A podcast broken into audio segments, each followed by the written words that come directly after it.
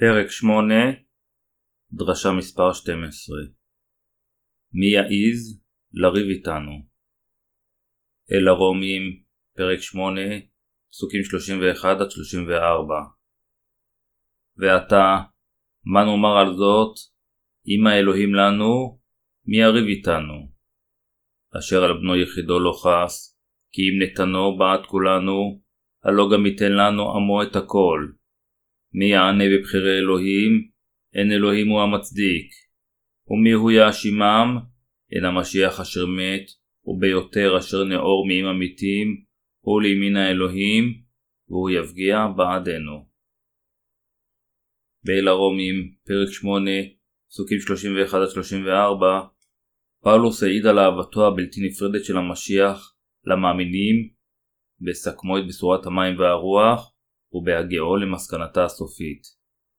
קטע זה מעיד על שמחת הישועה אשר מושגת בנקודת הקודקוד של האמונה. פאולוס אמר באל הרומים פרק 8 פסוק 31 ועתה, מה נאמר על זאת, אם האלוהים לנו, מי יריב איתנו? כמו פאולוס, אנו התנסינו בכך שבשורת המים והרוח קורנת ככל שהזמן עובר, והופכת לבשורה נפלאה אף יותר של ישועה ככל שחולשותינו נראות יותר. ככל שאנו משרתים את בשורת המים והרוח יותר, כך אנו מלאים בהכרה ובשמחה. פאולוס כינה את הבשורה אשר הוא האמין בה בשורתי. השנית אל תימוטיוס פרק 2 פסוק 8. הבשורה שפאולוס העיד עליה הייתה לו אחרת מהאמונה בתפילתו ובדמו של ישוע.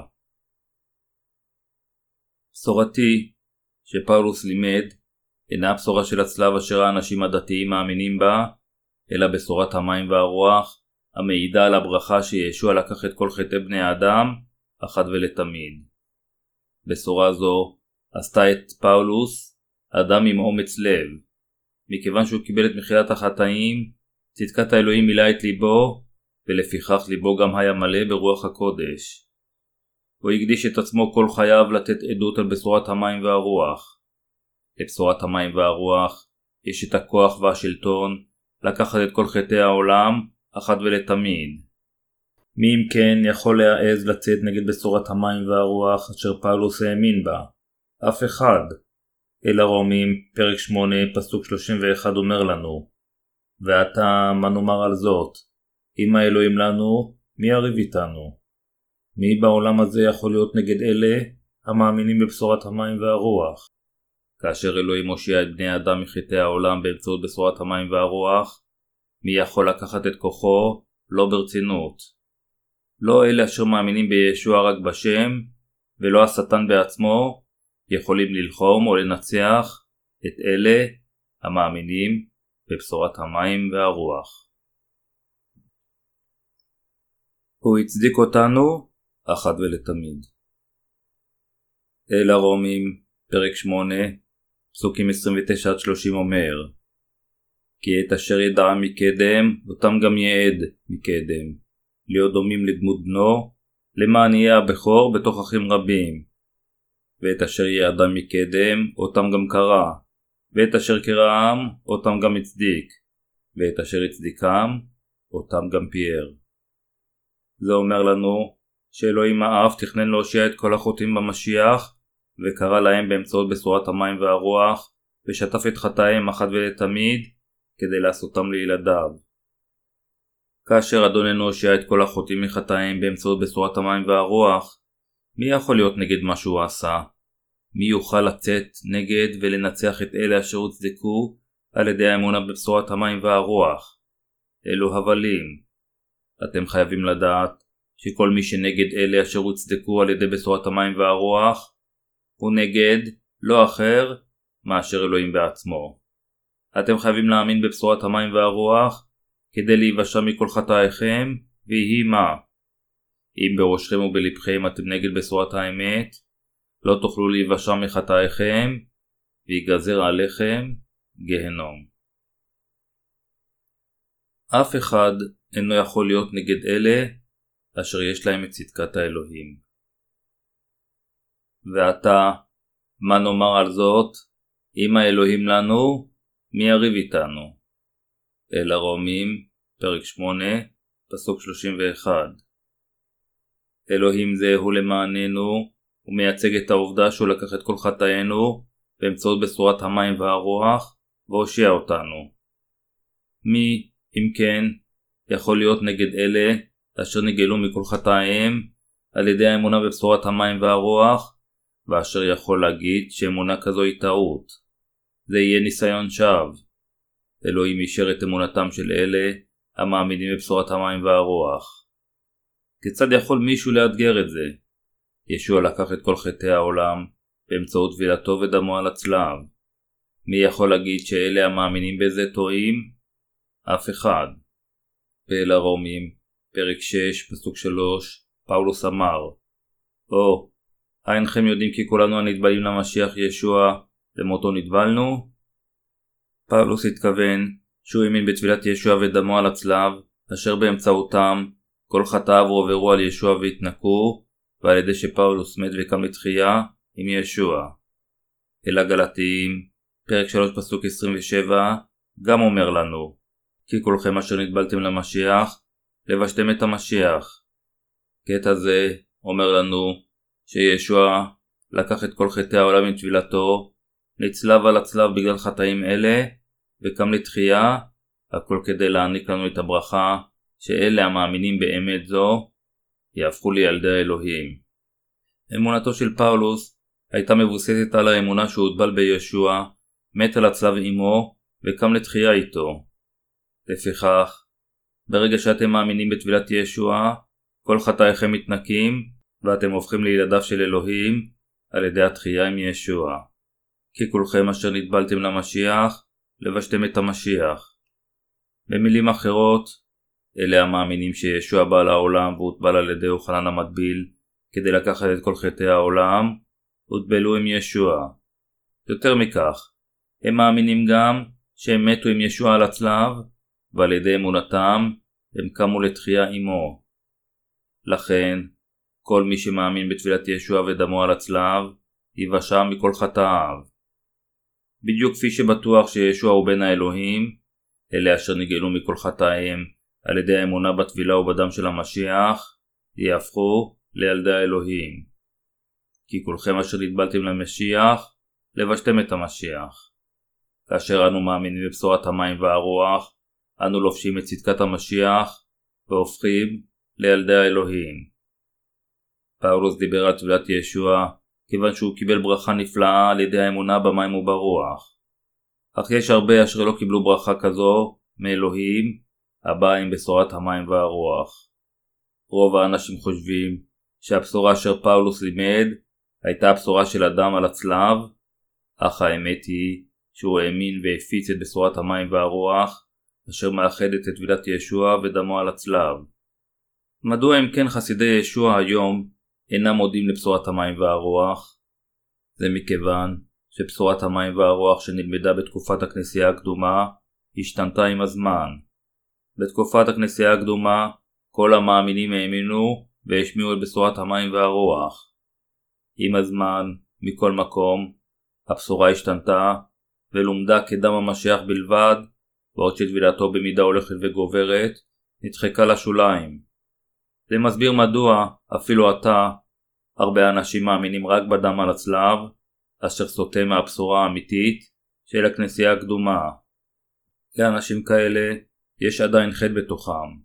הם בורים לגבי בשורת המים והרוח, אשר בה נראה צדקת האלוהים, ולפיכך הם עדיין חוטאים, ועדיין מתייצבים נגד צדקת האלוהים, אפילו אם הם אומרים שהם מאמינים בישוע. מה כבר יכול לראות אדם העיוור מבחינה רוחנית? אדם עיוור יכול לגעת ברגל של פיל ולהגיד שיעמוד. אך אדם עיוור אחר יכול לגעת באפו ולהגיד שזה משהו ארוך כיוון שהם לא ראו לפני כן פיל. באותו אופן, אדם עיוור מבחינה רוחנית אינו יכול לדבר על גדולת בשורת המים והרוח. לכן, אלה אשר אינם מכירים את בשורת המים והרוח אינם יכולים ללמדה. אלה אשר רואים יכולים להבין בקלות מה מישהו מנסה להסביר להם, אך עבריים לעולם לא יוכלו להבין זאת באמת. בני האדם נולדים חוטאים. מכיוון שהיינו חוטאים מבחינה רוחנית מאז לידתנו, איננו יודעים את האמת של בשורת המים והרוח. אלה המאמינים רק בדם על הצלב, יצרו גרסה חדשה של נצרות לעצמם. כיצד חטאיהם יכולים להשתף כאשר הם טוענים שהם מאמינים בישוע, אך מאמינים רק בדם על הצלב? רק עוד ועוד חטאים יערמו ככל שהזמן יעבור. אלה המאמינים רק בדם של ישוע כי ישוע הם אלה אשר מבחינה רוחנית לא התעוררו. אך ישוע אמר לנו בבירור ביוחנן פרק 3 פסוק 5 אם לא ייוולד איש מן המים והרוח לא יוכל לבוא אל מלכות האלוהים. לכן אנו חייבים להאמין בבשורת המים והרוח על מנת להיות מבורכים בתהילת ההפיכה לילדי האלוהים וכניסה למלכותו. מכיוון שפאולוס האמין בבשורת המים והרוח, הוא אמר באמונה אם האלוהים לנו, מי יריב איתנו? אל הרומים, פרק 8, פסוק 31. האם אלה אשר לא מכירים את בשורת המים והרוח יכולים להתייצב נגד ילדי האלוהים? הם יכולים להיות נגד ילדי האלוהים, אך הם לעולם לא יוכלו לנצחם. אלה המאמינים רק בדם של ישוע, אינם יכולים לנצח את אלה המאמינים בבשורת המים והרוח. אלה אשר נגד צדקת האלוהים יכולים להפוך רק לאויביו, ולפיכך לעולם לא יקבלו את ברכותיו. אף אחד אינו יכול לקבל ישועה, או להיות בעל אמונה אשר תיקח אותו לגן עדן, מבלי להאמין בבשורת המים והרוח, הבשורה אשר נראית בה צדקת האלוהים. לפיכך, אלה המאמינים בבשורת המים והרוח, יכולים לנצח את הבשורה השקרית ולחזור לבשורה הנכונה. ילדי האלוהים יכולים לנצח את העולם ואת השטן בעצמו. יש כאלה אשר אינם מבינים כראוי את טבילת ישוע ודמו, ואי ההבנה שלהם מוביל אותם לאמונה מוטעית. אם אתם מאמינים בדם על הצלב, אך אינכם חושבים הרבה על קבלת מחילת החטאים על ידי האמונה בבשורת טבילת ישוע, אם כן, אמונתכן מוטעית היא. אלה המאמינים בבשורת המים והרוח לפני אלוהים, הם אלה אשר יגיעו לצדקתו ויהיו בעלי אמונה אמיתית. אלוהים אומר לנו שאלה המאמינים רק בדם בנו על הצלב, טועים. אלה שאינם מאמינים בצדקתו, לא מאמינים או מכירים בבשורת המים והרוח. אך אלה המאמינים בצדקתו, מאמינים שגם הדם של המשיח על הצלב וגם טבילתו לקחו את חטאיהם. אנו חייבים להיפטר מעקשנותינו. אלה אשר מסתייגים מבשורת המים והרוח, מתעקשים שאמונתם המוטעית היא האמת. לאלה המאמינים רק בדם, יש מחצית האמונה בצדקתו. רק לאלה המאמינים בבשורת המים והרוח, יש אמונה שלמה, והם גם רק היחידים המאמינים בצדקת האלוהים ומגיעים לצדקתו. מתי, פרק 3 פסוק 15, פרק 11, פסוק 11. הספרים הנכתבים על ידי אלה המאמינים רק בדם מבזבזים נייר. הדוקטרינות, אשר פעם נכתבו על ידי תיאולוגים, נתקלות עתה בהתעלמות מצד הנוצרים, אך בשורת המים והרוח מקבלת הרבה תשומת לב. אמת זו קיימת מאז תקופת מבשרי הנצרות, ולעולם לא תשתנה. דבר האלוהים קיים לנצח, אך אלה המאמינים אך ורק בדם, נמחקו מתודעת האנשים. מהי הסיבה? זה מכיוון שלאדם בלבד, אשר הוא רק מחצית מצדקת האלוהים, אין השפעה על החוטאים. אם נדבר גלויות, רוב האנשים כיום, בין אם הם נוצרים או לא, עושים כל כך הרבה חטאים. כיצד כל החטאים האלה יכולים להימחל על ידי האמונה בדם בלבד? הדוקטרינות, המדגישות רק את הדם על הצלב, מלמדות את האנשים להתפלל למען מחילה כל פעם שהם חוטאים, אך למשך כמה זמן הם יכולים להתפלל כדי שחטאים ימחלו. אין זה משנה מה הם אומרים, הם אינם יכולים לקבל את מחילת החטאים. האם ישוע בא לעולם הזה כשהוא מדמם רק למוות מבלי שהוטבל? אתם יודעים שזו לא האמת. ישוע בא לעולם הזה ולקח את כל החטאים על ידי שהוטבל. מתי? פרק 3, פסוק 15. הוא הוטבל על ידי יוחנן לפני שדימים על הצלב, ואפשר לו להצלב על הצלב. כך ישוע מילא את כל הצדקה. אין צורך מבחינתכם לבכות כל יום לרחמיו, כדי שחטאיכם ימחלו, אם אתם מאמינים בטבילה שישוע קיבל מיוחנן. במקום זאת, האמינו בצדקת האלוהים, וקבלו את הישועה השלמה. ישוע הוטבל כדי לקחת את כל חטאי העולם על כתפיו, ונצלב כדי להישפט על כל חטאי העולם אחת ולתמיד. הגאולה יכולה להיות מושגת רק על ידי האמונה בטבילת ישוע ודמו. האם ישוע נתן גאולה הגדולה יותר מהחטאים שאנו עושים? הגאולה אשר ניתנה על ידי ישוע גדולה יותר מכל החטאים שעשינו ונעשה. אם טבילת ישוע ודמו לא היו יותר גדולים מחטאי בני האדם, לא היינו יכולים להאמין בישוע כמושיע, ולא היינו יכולים לקבל את הגאולה. בכל אופן, טוב ליבו של ישוע הוא כה גדול, שהוא לקח את כל חטאי העולם אחת ולתמיד, באמצעות טבילתו. באותו אופן, שער גן עדן פתוח לרווחה, אך אף אחד אינו יכול להיכנס דרך שער זה, מבלי להאמין בבשורת המים והרוח. אתם יכולים להיות נגד אלה המאמינים בבשורת המים והרוח, אך אינכם יכולים להתחבא מדינו הנורא של אלוהים. לכן, אל תחשבו שתוכלו לנצח את האמונה בטבילת ישוע ודמו, אשר באמצעותם צדקת האלוהים התבצעה. הרבה מאלה אשר היו נגד בשורת המים והרוח, היו גם נגד פאולוס השליח. אך אף אחד לא יכל להגיד שבשורת המים והרוח שפאולוס האמין בה הייתה מוטעית. הם רק לא הודו שישוע הוא האלוהים ומושיעם. אל הרומים, פרק 8, פסוק 32 אומר לנו אשר על בנו יחידו לא חס, כי אם נתנו בעד כולנו, הלא גם ייתן לנו עמו את הכל. אלוהים האב שלח את בנו היחיד לעולם, וגרם לו לשאת את כל חטאי העולם באמצעות טבילתו, מותו על הצלב, ותחייתו מן המתים, על מנת לגאול אותנו מכל חטאינו, על מנת להושיענו מחטאי העולם, ולעשות אותנו לילדיו, כפי שישוע היה, אלוהים האב נתן לנו בבנו היחיד, כדי שאלוהים יעשה את כל אלה המאמינים בבשורת המים והרוח ילדיו, מבורכים וצדיקים, הוא שלח את בנו היחיד כדי להתאבל. אלוהים תכנן להעניק לכל בני האדם את ברכותיו השמימיות ואת בשורת המים והרוח. אחת מהברכות האלו היא להפוך לילדו על ידי האמונה בבשורת המים והרוח, אשר על בנו יחידו לא חס, כי אם נתנו בעד כולנו, הלא גם ייתן לנו עמו את הכל. אל הרומים, פרק 8, פסוק 32. הכל, כאן, עם מתנותיו של אלוהים. אלו מתנות. אלוהים נתן לאלה אשר קיבלו את ישוע והאמינו בשמו את הזכות להפוך לילדיו.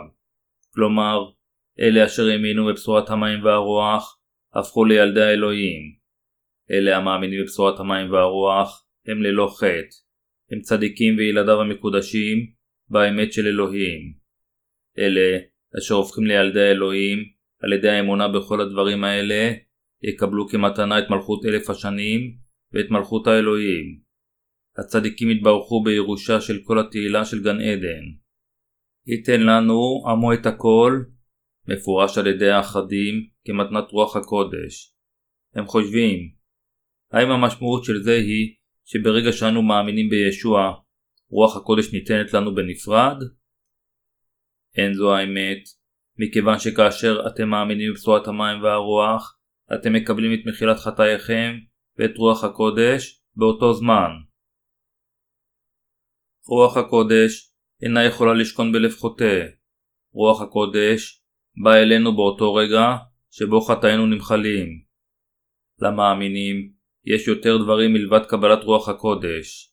מתנות האלוהים אינן נגמרות עד אשר כל הברכות השמימיות ניתנות לנו. בעולם זה, אנשים נוטים לחשוב שיכולות כמו לרפא, לדבר בלשונות ולנבא הן מתנות, אך הברכות המוזכרות בקטע זה מתייחסות לכל הדברים השמימיים שאבינו האלוהים מחזיק ברשותו. במתנות, פאולוס מדבר על כל הדברים שאלוהים מעניק לילדיו אשר יש להם את צדקת האלוהים. אלוהים אמר שהוא ייתן את כל הדברים הטובים כמתנה לאלה המאמינים בבשורת המים והרוח. אלוהים נתן את ברכת הלידה מחדש לאלה המאמינים בבשורת המים והרוח. אלוהים נותן את כל דברי גן העדן כמתנה לאלה המאמינים בבשורת המים והרוח. הנוצרים סובלים כל כך כשהם חיים בעולם הזה, אך כאשר מלכות האלוהים תגיע, הם יהיו עם כבוד גן העדן אשר יוענק להם. אל תאמרו שנבחרתם ללא סיבה. אל הרומים, פרק 8, פסוקים 33-34 אומר מי יענה בבחירי אלוהים, אין אלוהים הוא המצדיק, ומי הוא יאשימם, הן המשיח אשר מת, וביותר אשר נאור מעם המתים, הוא לימין האלוהים, והוא יפגיע בעדנו. מי יענה בבחירי אלוהים? האם תוכלו להביא אשמה על אלה אשר אלוהים הושיע עם בשורת המים והרוח? כמובן שלא. תיאולוגים מצטטים את קלווין ואומרים שאחדים נבחרו ללא תנאי, בעוד האחרים לא. בכל אופן, אסור לנו לעולם להשתמש בביטוי ללא תנאי בנוכחות אלוהים. בעשותם כן, הם מראים שהם אינם מכירים את אלוהים לחלוטין, ושהדוקטרינה שלהם היא שקרית. בחירה ללא תנאי, משמעותה שאלוהים אוהב אחדים ללא סיבה, ושונא אחרים גם ללא סיבה. כיצד נוכל להגיד שאלוהים הוא צדיק, כאשר הוא אוהב אחדים ושונא אחרים? זה לא אלוהינו. אלוהינו אוהב ודואג לכל בני האדם במשיח. כאן, בפסוק 32 נאמר אשר על בנו יחידו לא חס, כי אם נתנו בעד כולנו, הלא גם ייתן לנו עמו את הכל. אלוהים נתן לנו את בנו על מנת להושיע את כל בני האדם. באמצעותו, אלוהים גרם לנו להאמין שהוא לקח את כל חטאינו באמצעות דבר המים והרוח. בפסוק 33 נאמר מי יענה בבחירי אלוהים. כאן המילה בחירי אלוהים אינה רומזת שאלוהים בחר אחדים ללא תנאי. אלוהים בחר את אלה אשר אינם יכולים לחיות ללא ישוע המשיח ואלה שאין להם צדיקות עצמית על מנת להלבישם בצדקתו שלו. אלה אשר נבחרו על ידי צדקת האלוהים הם אלה אשר מאמינים ונשענים על האמת שישוע בא אל האדמה הזו, הוטבל והקריב את עצמו על הצלב כדי לקחת את כל חטאינו. הם אלה המאמינים באלוהים אשר הושיע אותם מחטאי העולם וכיסה אותו בצדקתו. מי, אם כן, יכול להביא אשמה על הצדיקים? אף אחד. אף אחד אינו יכול להגיד שאמונתנו מוטעית. אף אחד אינו יכול לשפוט את אלה אשר נושעו מכל חטאיהם ונבחרו כילדי האלוהים על ידי האמונה בבשורת המים והרוח. אלה המאמינים רק בדם שעל הצלב אינם יכולים להגיד שאלה המאמינים בבשורת המים והרוח טועים, והם אינם יכולים להביא אשמה עליהם לפני אלוהים. יש אנשים אשר טועים בשפיטת אלה הלבושים בצדקת האלוהים על ידי האמונה בבשורת המים והרוח. אך האם זה נכון? לא. אמונתם של אלה אשר נבחרו להיות צדיקים בנוכחותו של אלוהים לעולם אינה יכולה להיות מוערכת שלא קשורה על ידי מישהו. מי יכול להגיד שאלה אשר מאמינים בבשורת המים והרוח הם חוטאים ויכול לשפוט בטעות את אמונתם? מזה זמן רב השמענו לכל האנשים שבעולם את בשורת המים והרוח אשר צדקת האלוהים נגלית בה.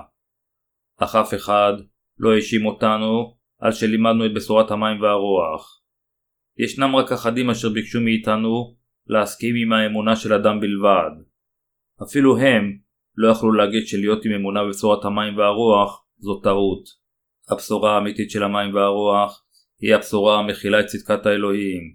זוהי הבשורה האמיתית וכל שאר הבשורות לא מושלמות.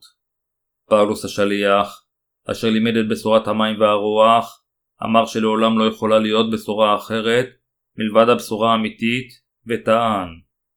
והיא איננה אחרת רק שיש אנשים העוכרים אתכם וחפצים להפוך את בשורת המשיח.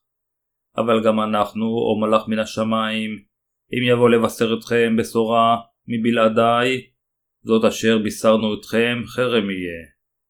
כמו שאמרנו, כבר כן אומר עתה עוד הפעם, איש כי יבשר אתכם בשורה מבלעדיי, אשר קיבלת, חרם יהיה. אל הגלתיים, פרק 1, פסוקים 7-9. אף אחד אינו יכול להגיד שבשורת המים והרוח טועה מבחינה תנ"כית. אלה אשר לא מאמינים בבשורת המים והרוח, נגדה. אם אתם מאמינים שבשורת המים והרוח אשר ניתנה על ידי אלוהים היא שקר, אם כן, המשיכו הלאה ותמכו נגד אלוהים.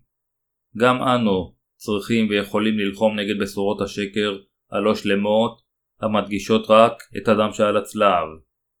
כיצד יכל ישוע לצלב על חטאינו מבלי לקחת אותם קודם על עצמו באמצעות טבילתו. אל תגידו שלמאמינים בצדקת האלוהים יש חטאים. המשמעות של להאשים זה לבקש את הדין במשפט. היחידים אשר יכולים להאשים את אלה המאמינים בבשורת המים והרוח הם עושה רע. לאלה המאמינים בבשורת המים והרוח יש אמונה בצדקת האלוהים, לכן מי יכול לשפוט כטעות את אמונתם? מי יכול להגיד שהם טועים? אין אף אחד, כיוון שאלוהים הוא המצדיקם. אף אחד אינו יכול להאשים את המאמינים בבשורת המים והרוח שיש להם איזשהו חטא. הן אלוהים הוא המצדיק. אל הרומים, פרק 8, פסוק 33. מי יכול להכריז שהמאמינים בבשורת המים והרוח הם חפי חטא? רק אלוהים יכול. הוא הכריז בצדקתו שהמאמינים בבשורת המים והרוח הוצדקו.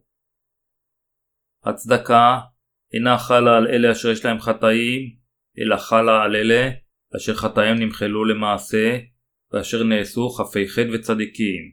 כאשר אלוהים אומר שאלה המאמינים בבשורת המים והרוח הם חפי חטא, מי יכול להעיז ולהגיד שהם טועים, ושאין להם את צדקת האלוהים? אף תיאולוג בעולם הזה אינו יכול להגיד כך. הנצרות של היום הושחתה על ידי דוקטרינת ההתכתשות המנסה להגיע לקדושה דתית. תיאולוג באנגליה, לאחר שנשאל אם כנסיית האל קדושה, טען שגם בכנסיית האל יש פגמים. ברור שתיאולוג זה לא הכיר את בשורת המים והרוח, ולא הייתה לו אמונה בצדקת האלוהים. אך כל מאמין בכנסיית האל, מאמין בבשורת המים והרוח, ולגמרי חף מחטא. למרות שייתכן שהוא יהיה חלק בבשר, עדיין יש לו את צדקת האלוהים המושלמת, ללא פגמים. האם כל אחד בכנסיית האל ללא חטא? כן. כנסייה זה המקום שבו המאמינים המקודשים וללא חטא מתאספים יחדיו במשיח.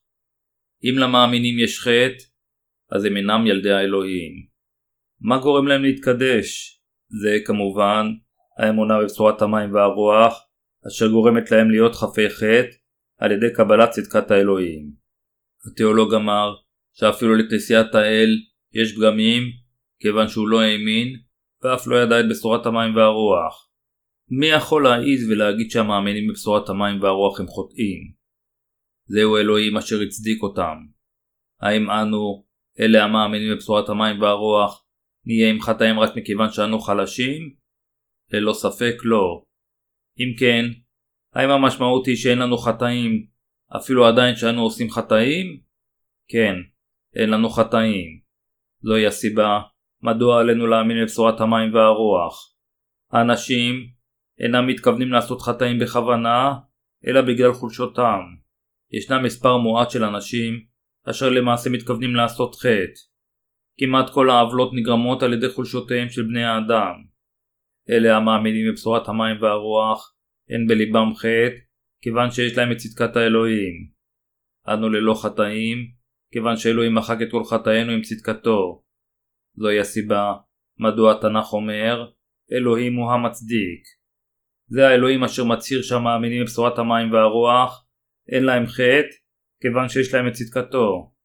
אנו נגאלנו מכל חטאינו על ידי האמונה בבשורת המים והרוח. אם ישוע לא היה לוקח אפילו את חטאי העתיד שלנו כיצד היינו יכולים להיגאל מכל חטאינו, וכיצד היינו יכולים להגיד שאנו לא אנשים חוטאים יותר? אם אנו, לאחר שהאמנו בצדקת האלוהים, עושים חטאים וחיים בחטא, האם זה עושה אותנו לא מקודשים מספיק, או פוסל את גאולתנו, ולפיכך מועיד אותנו חזרה לגיהנום? התשובה היא לא. אם ישועתנו הייתה באה על ידי התקדשות עצמית, מי בעולם הזה היה יכול להיוושע אי פעם? אף אחד. אף אחד אינו יכול לחיות חיים מושלמים בבשר ולהתקדש על שמירת המצוות באופן שלם. לכן התנ"ך קובע אין צדיק, אין גם אחד, אל הרומים, פרק 3, פסוק 10. מטבעם, בני אנוש אינם יכולים לקבל את צדקת האלוהים על ידי מעשיהם. אלוהים שלח את בנו היחיד, אשר הוטבל על ידי יוחנן, והוצא להורג על הצלב, כדי להושיע את כל בני האדם מחטאי העולם. אלה המאמינים בבשורת המים והרוח, והופכים לצדיקים על ידי אמונתם. זוהי הסיבה מדוע הם יכולים להיות צדיקים אפילו בעולם הזה. גם אברהם הפך לאבי האמונה על ידי האמונה בדבר האל, אף על פי שהרבה נוצרים אומרים שהם יכולים לקבל את צדקת האלוהים באמצעות דוקטרינת ההתקדשות, הם למעשה בורים לגבי צדקת האלוהים. מהי צדקת האלוהים? היא לגמרי שונה מצדקת אנוש, והיא הצדק של אלוהים. באיזו בשורה צדקת האלוהים נגלית? בבשורת המים והרוח צדקת האלוהים נגלית. אם נדחה את בשורת המים והרוח בלי שנאמין בה, המשמעות תהיה שאנו מתייצבים נגד אלוהים. אף אחד אינו יכול להיוושע מחטאים, או לקבל את צדקת האלוהים, ללא האמונה בבשורת המים והרוח. האם מישהו יכול לצאת נגד צדקת האלוהים אפילו מעט? מזה זמן רב, אני מאמין ומלמד את בשורת המים והרוח, אך לא ראיתי אף אחד היכול לעמוד נגד בשורה זו. אף אחד לא יכול להיות נגד בשורת המים והרוח בהתבססות על דבר האל, כיוון שבשורה זו של צדקת האלוהים נותנת לנו גאולה מושלמת ושלמה מחטאים. מי יכול להאשים את אלה אשר יש להם את צדקת האלוהים? הבה נקרא את אל הרומים, פרק 8, פסוק 34. ומיהו יאשימם, הן המשיח אשר מת, וביותר אשר נאור מעם המתים, הוא לימין האלוהים, והוא יפגיע בעדנו. האם מישהו יכול להאשים את אלה המאמינים בצדקת האלוהים שהם מלאים בחטאים? אף אחד לא יכול. האם מישהו יכול להאשים את המאמינים בבשורת המים והרוח אשר גאלה אותם מחטאים על ידי האמונה שהם אנשים חוטאים? לא. ומי הוא יאשימם? מי יכול להגיד שהמאמינים בצדקת האלוהים הם חוטאים? שכר החטא הוא המוות. אם יש לכם חטא בלבכם, אתם הולכים לגיהנום. אלוהים שופט את האנשים, כיוון שיש להם חטא. אך אלה, אשר חטאים נלקחו על ידי אמונתם בצדקת האלוהים, אינם נשפטים על ידי אלוהים, כיוון שאין להם חטאים, אשר יש צורך לשופטם. כאשר אלוהים בעצמו אינו שופט את אלה המאמינים בצדקת האלוהים, מי יכול להעז להרשיעם? אם למאמין בישוע המשיח יש חטא, או חוטא אשר יישפט ויורשע על ידי אלוהים. חוטאים יישפטו על ידי אלוהים על חטאיהם שבליבם, ויורחקו על ידי אנשים אחרים. אך המאמין במשיח, מאמין בבשורת המים והרוח, ומקבל את צדקת האלוהים, אדם זה הוא חף מחטא לפני אלוהים, ואף אחד אינו יכול להאשימו. גם אין חטא במצפונו של אדם כזה. ומי הוא יאשימם? הן המשיח אשר מת, וביותר, אשר נאור מעם המתים, הוא לימין האלוהים, והוא יפגיע בעדנו. ישוע, בן האלוהים, בא אל האדמה כדי לתת לנו את צדקת האלוהים, קיבל טבילה מיוחנן כדי לשאת את כל חטאינו, מת על הצלב שהוא שופך את דמו, וקם לתחייה מן המתים, כדי להפוך למושיענו. עתה, הוא יושב לימינו של אלוהים, ומשתדל למעננו כמושיענו. גם רוח הקודש מתפללת למען אלה אשר יש להם את צדקת האלוהים. ישוע מתפלל למעננו בגן עדן. גם רוח הקודש מתפללת למעננו אל אלוהים האב, אך בצורה שונה, עם ההנחות, אשר אינן יכולות להיות מבוטות, כל פעם שאנו חלשים בליבנו. עד כמה מושלמת היא צדקת האלוהים בליבם של אלה המאמינים בבשורת המים והרוח. השלמות של צדקת האלוהים אומרת לנו גם שבשורת המים והרוח היא ללא פגמים ומושלמת.